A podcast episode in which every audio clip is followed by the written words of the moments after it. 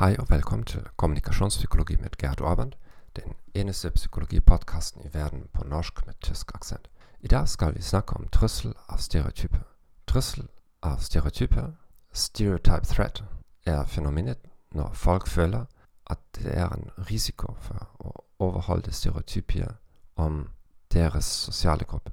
Det er en slags selvomfølgende profeti. De mest fremtredende studiene handler om kjønnsforskjeller eller etniske eller seksuelle minoriteter. Lad mig imidlertid starte med et ikke-typisk eksempel.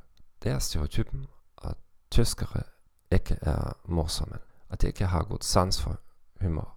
Jeg bor i utlandet og afviser ofte at fortelle en vits af frygt for at jeg kan bekræfte stereotypen. På den anden side er det også en præstationsangst knyttet til positive stereotyper.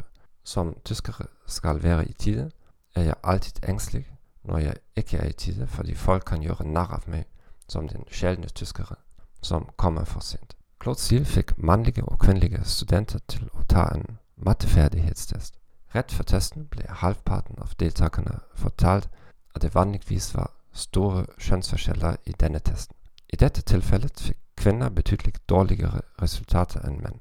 Den andre halvdelen av utvalget mottok ikke denne uttalelsen. Det var ingen signifikante kjønnsforskjeller i gruppens resultater. Et forskergruppe ved Harvard University undersøkte to kulturelt utbredte stereotyper og hvordan de påvirker ytelsen på en matematisk test. De to undersøkte stereotypene var på den ene siden antakelsen om at asiater hadde matematikkferdigheter over gjennomsnittet, og på den annen side at kvinner har dårligere matteferdigheter sammenlignet med menn. Studien viste at asiatisk-amerikanske kvinner presterte bedre på en matematisk test da deres etniske identitet ble aktivert, mens resultatene deres var dårligere når kjønnsidentiteten ble aktivert. Jeg takker for at du hørte på denne podkasten. Jeg ønsker en fin dag og farvel.